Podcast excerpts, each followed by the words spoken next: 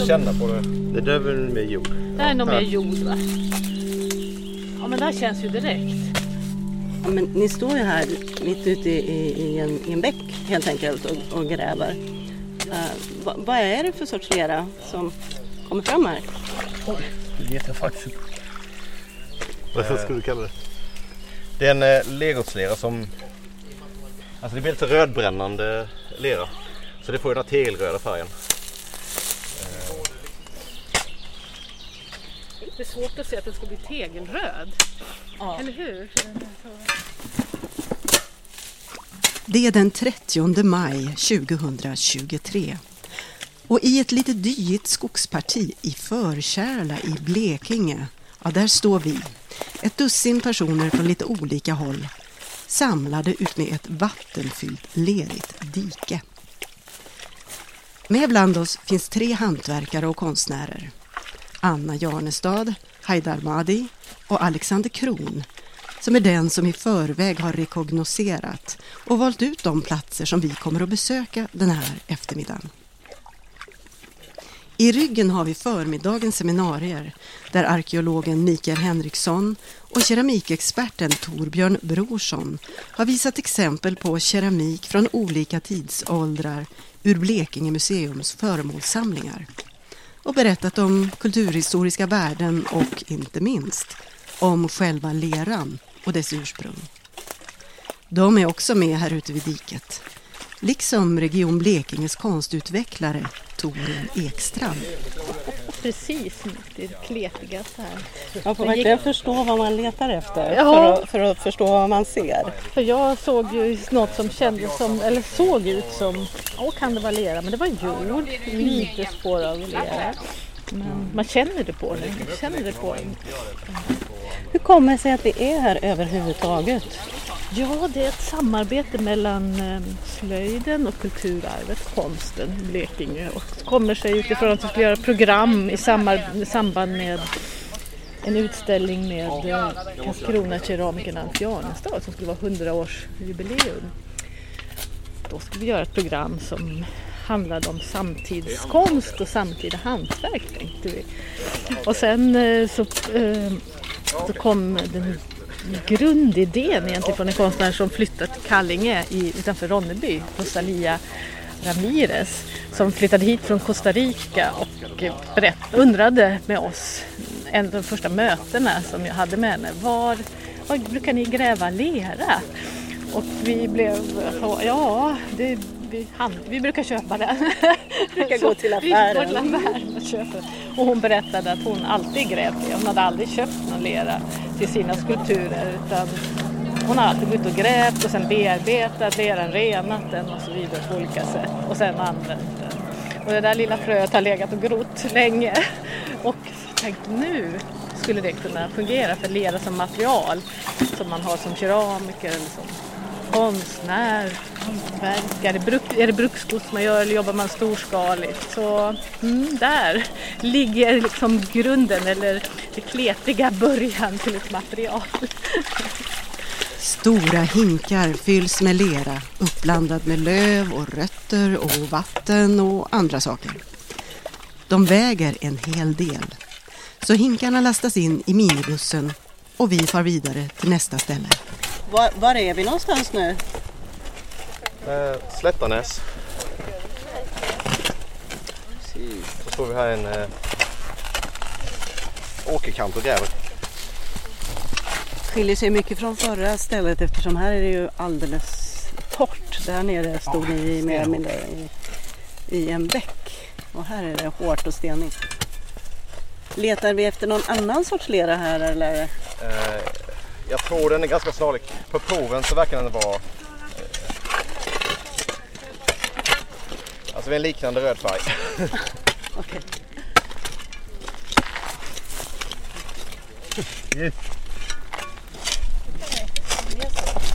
Du satt en hacka med Ja, Nu kommer helikoptern igen. Gräv där du står. Leran i Blekinge. Det är det övergripande namnet på det här projektet. När den här dagen är över kommer konstnärerna att ta med sig lera från alla de tre olika platserna hem till sina ateljéer och sen arbeta vidare med dem, var och en för sig. Väldigt fint! Det har du valt. Var är vi nu? Det här är sektion tre. Eh, Häggarp är vi nu, eh, utanför Trensum.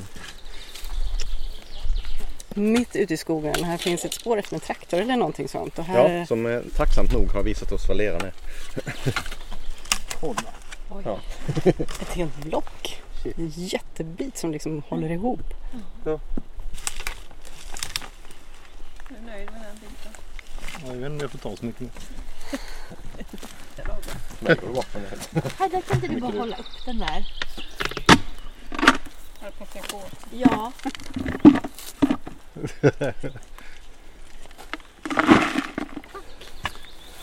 Alltså kolla här. Ta en närbild på det. Där. Ja. För där, där ser man ju liksom sk- skikten så som har bildats. Det är lite häftigt. Jättefint.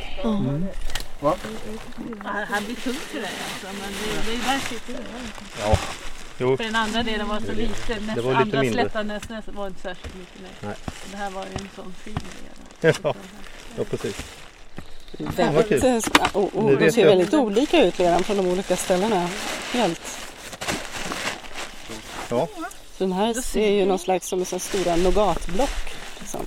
Ja Den faktiskt. ser god ut. Ja, Ja. det gör ju det. Du får inte äta den på hemvägen. Ja, men det, nej. Men den spelar roll. När jag hade bil så hade jag... Hade jag Satt din lilla skåpbil. Ja, då har jag fyllt, då har jag fyllt den. Och där skiljs vi åt den där dagen i maj. Konstnärerna är vid det här laget tungt lastade med lera. Så småningom kommer de att träffas igen. Närmare bestämt i oktober under ett publikt samtal om projektet i Ronneby konsthall. Då kommer de ha med sig både prover på de olika lerorna och ett och annat keramiskt objekt. Så hur var det då att arbeta med lerorna uppgrävda direkt ur den blekingska myllan? Först via Zoom, Alexander Kron. Alltså jag jobbar mycket med brukkeramik vanligtvis. Och jag tycker om det här, alltså göra saker som man använder också för att det blir liksom, det blir inte bara det estetiska eh, just utan det blir också den här, eh, eh, alltså, jag tycker keramik upplever man så mycket med taktilt också.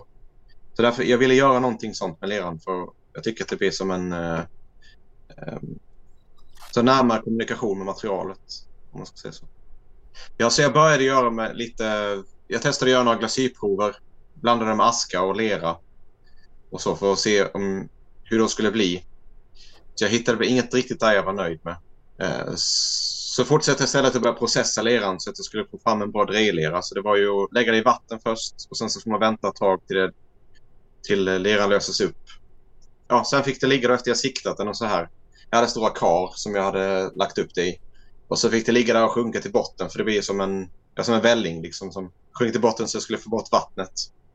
Det tog en jättelång tid för det var väldigt fuktig sommar också. Annars så kan det torka ut lite snabbare om man typ har det utomhus och så kan det blåsa lite och sådär. Men det går det är liksom inte att ha det ute i solsken heller. Eh, Så det var egentligen inte förrän eh, alltså i början på augusti som jag hade leror som var färdiga att jobba med. Alltså dreja med då, som jag tänkte göra. Men jag hade redan från början tänkt lite att jag ville jobba med eh, liksom eh, Eh, lerans porositet. För den här typen av lera som vi har här, alltså lågbrännande lergårdsleror, de har, eh, eh, det är ju den förmågan att de kan suga åt sig fukt. Eller rätt sagt, de går inte att bränna så högt, men man bränner dem så högt man kan bränna dem så eh, har de fortfarande en porositet. Eh, så de här lämpar sig bra för, eh, ja, kan ju vara som eh, blomkrukor eller något sånt där, eller eh, då bevattningskrukor som jag vill använda det till. Så det jag gjorde var ju samma, eh, det var samma modell jag jobbade med samma grej fast jag gjorde, använde samma mått och allting. Men så gjorde jag det i, eh, i enbart den leran liksom. Så att jag märkte upp det. Så jag märkte upp det på dem också så vilken lera det är. Um, drejmässigt så var, eller egentligen var de alla, alla tre stabila att jobba med. Um, det från Listerby var ju allra mest stabil för det var så mycket grus och sånt i så det liksom det blev liksom för tät och den krympte något oerhört mycket. Eh, så jag tror inte det är en lera man skulle vilja jobba med kanske med brukskeramik så, utan man kanske hittar någon annan användning för det. Sen så var det en från eh, där vi grävde den här bäcken vid eh, Förkärla. Den leran var väldigt, väldigt kladdig, så den var rätt så svår och det, för den, den liksom kollapsade nästan när man jobbade med den. Så man fick jobba ganska snabbt med den också. Jag var varsam på hur den rörde sig mycket mer. Och egentligen den leran jag tyckte bäst om att jobba med var den från, här från Häggarp. Och som jag sa, ville jobba med porositeten i leran. Och den har ju den fördelen att den, den ehm, eh, vattnet tränger sakta igenom. Som i det här fallet gör att det, vattnet tränger igenom och sen så börjar det droppa liksom på växten under till. De här lite ehm, mer flaskformade flaskorna som hänger eh, över eh, amplan under med växterna i. De innehåller vatten. Så på så sätt har jag utnyttjat liksom lerans ehm, eh, egenskaper där, till någonting som gör att den, den får liksom den här plantan under och, och eh, fortsätter leva. Sådana här typer av krukor brukar man annars göra på många torra delar av världen så, um, så har de sådana krukor som man gräver ner liksom, upp till eh, eh, nästan upp till toppen och så fyller man vatten som bevattnar eh, jorden underifrån. Eh, så ganska vanligt. Så lite därifrån inspirationen kommer då. Men nu vill jag göra det ännu mer eh, tydligt och så här säger Anna Jarnestad. Jag, jag kom ju hem med de här spännena fulla med lera eh, och eh, hade aldrig varit med om det någon gång. Jag, eh, jag, jag har jobbat i 30 år med lera men jag har aldrig någonsin gått ut och grävt upp min egna lera och nu, nu stod jag där med de här byttorna eh, och eh, det jag först gjorde var att jag torkade den leran. Den stod länge och torkade. Och sen knackade jag sönder den, hällde på vatten. Och genast så flöt ju, flöt ju det upp. Det flöt upp till ytan gräs, eh, skalbaggar, pinnar, eh, lite allt möjligt sådär som man fick sila bort. Så stod det ganska länge och blev helt uppblött i sina små, små lerpartiklar. Eh, och då började jag och byta, hällde lera från bytta till bytta genom olika sorters nät tills jag kom till ett finmaskigt slutligen bomullsnät eh, där leran liksom sipprade eh, igenom.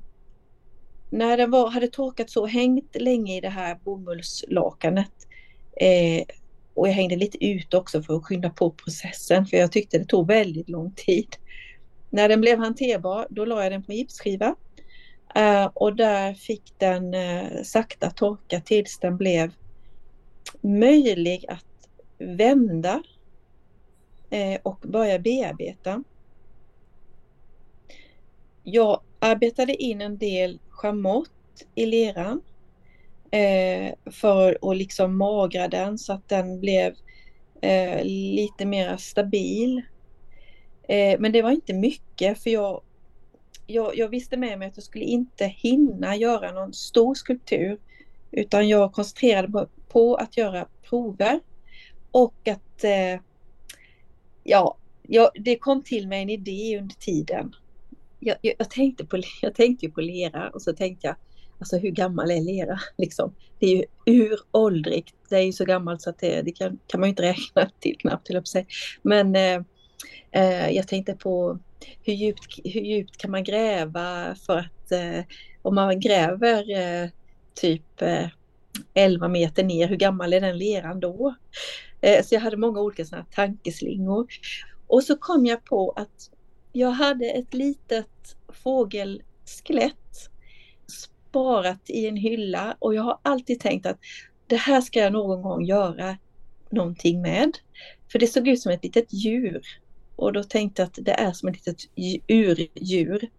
Den här skelettdelen, det var ett bröstben eh, till en fågel. Och jag har hittat den ute i skärgården. Eh, så den använde jag mig av och så gjorde jag 12 stycken små, ja de blev ju också lite individuella men med den mallen lite granna. Eh, tillsammans så blev de som en liten flock urdjur som kom krypande upp från jordens inre. Liksom. Det, var, det var min tanke. Sen blev jag uppringd av, jag bor ju ute på Aspö i Karlskrona skärgård. Och jag blev uppringd av en granne som berättade att det finns ett leruttag här på Aspö. Och jag blev jag, jag fick lite blodad tand där faktiskt, just med de här uppgrävningarna, så att jag ska testa det.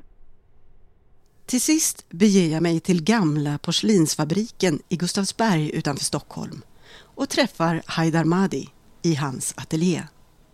Alltså sen eh, så var det ganska mycket jobb med att rena, alltså rena leran. Eh, så jag ägnade ganska mycket tid till att göra det.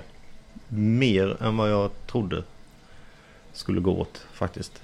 Eh, men jag gillade också den... Alltså jag såg väldigt mycket fram emot hela den processen för jag har aldrig gjort det. Jag har ju alltid köpt min lera konstigt nog. Eh, aldrig grävt egen lera. Så jag såg väldigt mycket fram emot att få liksom bearbeta den och få den arbetsklar. Och den processen. Så jag var ganska noggrann där. Och lät det liksom ta den tiden det behövde ta. Och eh, jag skyndade liksom inte för jag tyckte att det, det var liksom en ganska härlig del av det hela. Och liksom under, under tiden det var tre olika leror. Så han man liksom få också en, en känsla för varje lera.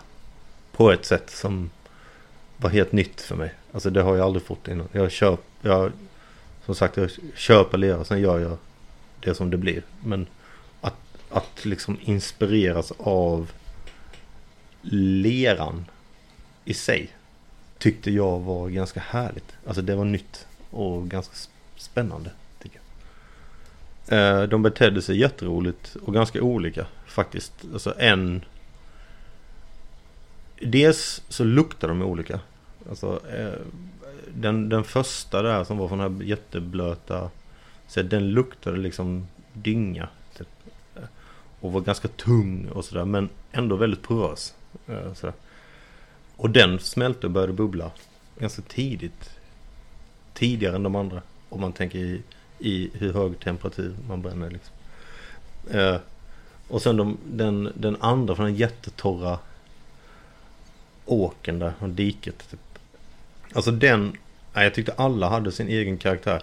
Den blev liksom, jag tror det var den, denna och den sista, de blev liksom lite så designlevorna som man liksom ville göra. Så här slicka tjusiga saker. med. men framförallt en av dem, alltså som den svällde jättemycket. Alltså blev som, som stor kuddar av allt. Så då tyckte jag det var roligt att eh, göra kantiga grejer. Och sen bränna upp grejerna och se om de svällde och smälte. Och så. så det var jätteroligt och jag tycker det blev jättefint eh, faktiskt. Var det den leran som när vi var där ute och, och, grävde som, som var så torr som såg ut som att hur kan det här ens bli någonting? I mina ögon då, då eftersom det nästan ja. såg ut som grus. ja, precis. Exakt, det var den. Så jag, jag, tycker att de, den leran, jag skulle, om jag skulle få gräva igen så skulle jag gärna velat prova gräva mer av den som var diket där. Sen så gillade jag också väldigt mycket den sista som var i skogen. Den luktade så härligt sandigt, jordigt liksom på något sätt. Eh. Men där var jag mer inspirerad istället av att göra, alltså med den doften så tycker jag att det blev så här lite fornnordiskt av det hela. Alltså, jag bara ville göra så flummiga påhittade instrument och så lite Gargamel-grejer på något sätt. Som jag sen brände upp och de smälte och så här, jag brände för högt liksom. Men det var liksom lite meningen med hela det här projektet tycker jag. Att prova och testa. Se vad de här olika lerorna har för egenskaper. För att jag tycker att man kan Det går att använda sig utav det i min andra när jag jobbar med skulptur så finns det ett sätt hur man ska göra och, och hur man undviker vissa grejer men jag tycker att man kan Det går ju också att använda sig av de här eh, misstagen om man får säga så. Eller så, att, så det gäller liksom bara att bygga på den här kunskapsbanken att den här leran gör så här vid den här temperaturen. Den beter sig på ett helt annat sätt i en annan temperatur. Och ännu mer annorlunda i en tredje temperatur. Eller och en fjärde och så vidare och så vidare. Så man kan liksom alltid Det går liksom att utnyttja eh, lerans alla egenskaper tycker jag. Och vanligtvis om du arbetar med din köpta lera så Ja. vet du redan alla de här grejerna eller? Ja precis, för där står ju redan, alltså på paketet så står det exakt till och med hur mycket den krymper eh, och vad dens maxtemperatur är. Så för att om jag ska liksom bryta mot den köpta lerans regler så det blir liksom inte lika spännande. Alltså för att jag vet redan ungefär hur jag bränner över den. Alltså det, då är det bara att sätta ugnen på högre temperatur. Men jag vet inte vad som händer förrän jag har gjort det. Men, men så här, Det var mycket roligare med den här len som vi grävt själva eftersom det finns ingen in, information om den. Så jag la ner ganska mycket tid på att göra mycket prover och skriva ner och vara noggrann för en gångs skull. Det är jag väldigt sällan och är dålig på.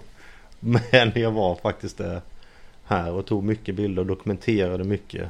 Eh, så jag har jättemycket information om alla de här tre lerorna i många olika temperaturer. Och eh, på andra leror och för sig själva och, och så vidare.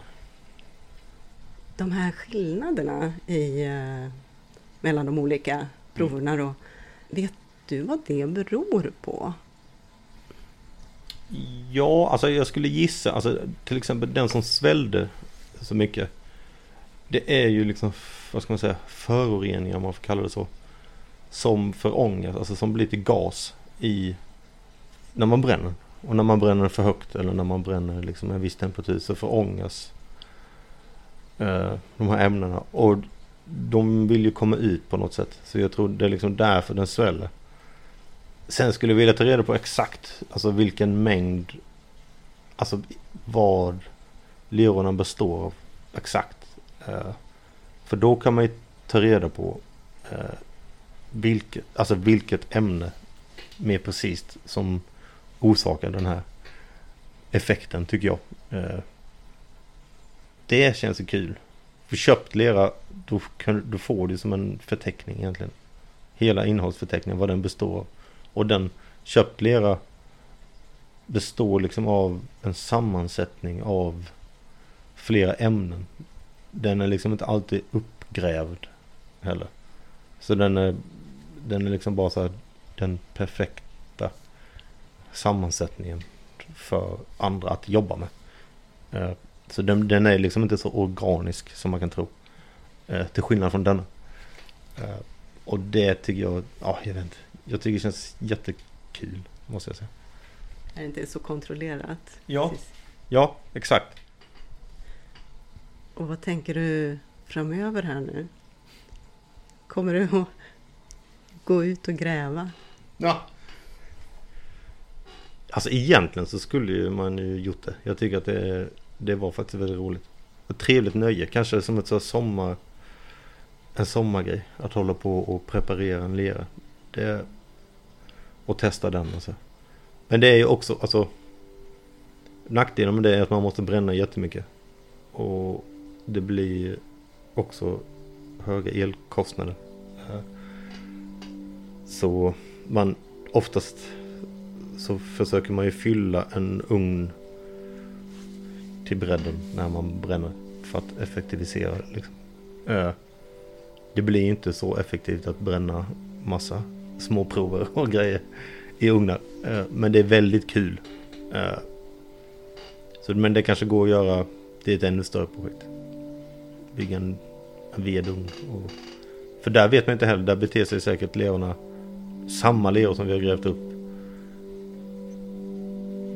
beter sig kanske helt annorlunda i en vedeldad ugn till exempel. Eller en gasen. Det måste man prova.